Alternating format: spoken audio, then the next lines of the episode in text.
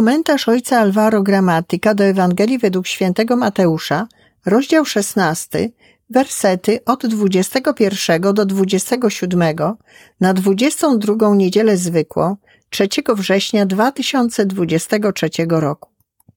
Jezus zaczął wskazywać swoim uczniom na to, że musi udać się do Jerozolimy i wiele wycierpieć od starszych i arcykapłanów oraz uczonych w piśmie, że będzie zabity i trzeciego dnia zmartwychwstanie.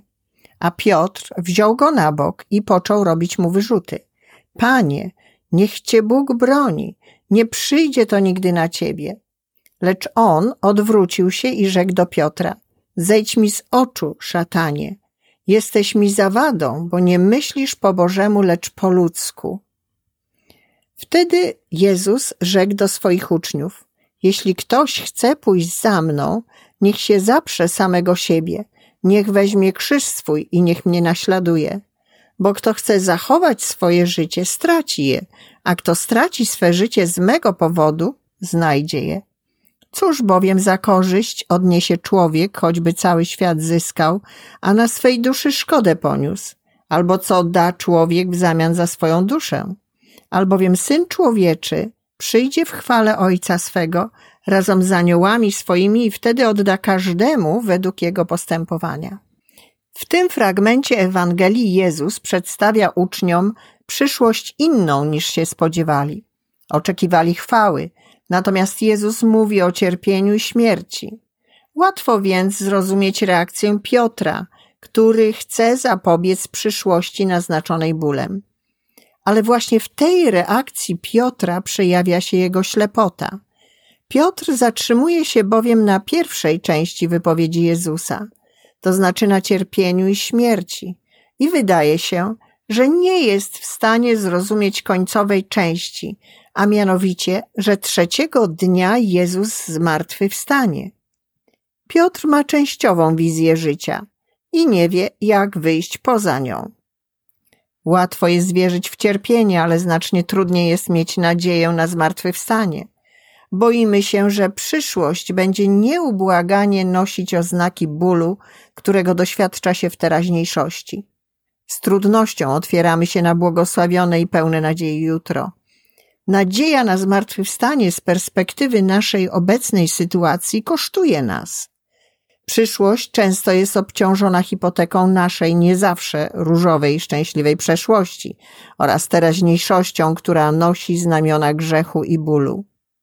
Ale sposób myślenia Boga jest przeciwieństwem naszego. Jest to myślenie, które niewątpliwie prowadzi do zbawienia, ponieważ Bóg jest silniejszy od wszelkiego zła.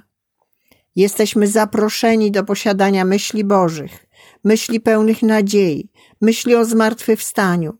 Oznacza to przeżywanie każdej sytuacji ze świadomością, że zmartwychwstanie zawsze zwycięży. To jest prawdziwe naśladowanie Jezusa. Nie zatrzymujmy się w połowie drogi, ponieważ zawsze czeka na nas błogosławieństwo. Załóżmy okulary zmartwychwstania, zostaniemy uzdrowieni z krótkowzroczności, która nie pozwala nam widzieć dalej, która zaciemnia naszą przyszłość i sprawia, że drżymy w obliczu każdego wydarzenia, które nas przeraża. Piotr musiał nauczyć się iść za Jezusem, podążać Jego śladami i mieć taką samą nadzieję jak On, podchodząc do wydarzeń życia z ufnością złożoną w Bogu, który kocha i zbawia.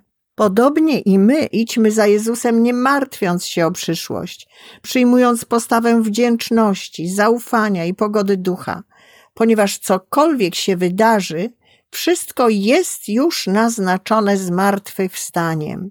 Wyrzeknijmy się naszego ludzkiego sposobu myślenia, który chciałby zgasić wszelką nadzieję, zwłaszcza gdy nie widzimy rezultatów, gdy boimy się, że nam się nie uda i widzimy, że wszystkie nasze wysiłki są daremne. Zaprzeć się siebie oznacza otworzyć się na zaufanie i wyrzec się życia takiego, jakie prowadzą ci, którzy nie mają nadziei.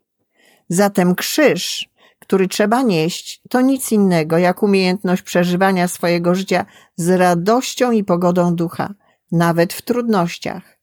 Zmartwychwstaje ten, kto potrafi ufać Idzie dalej ten, kto widzi na horyzoncie czekające na niego zmartwychwstanie. Nie zniechęcajmy się, ale wytrwajmy, a zbierzemy owoce nadziei.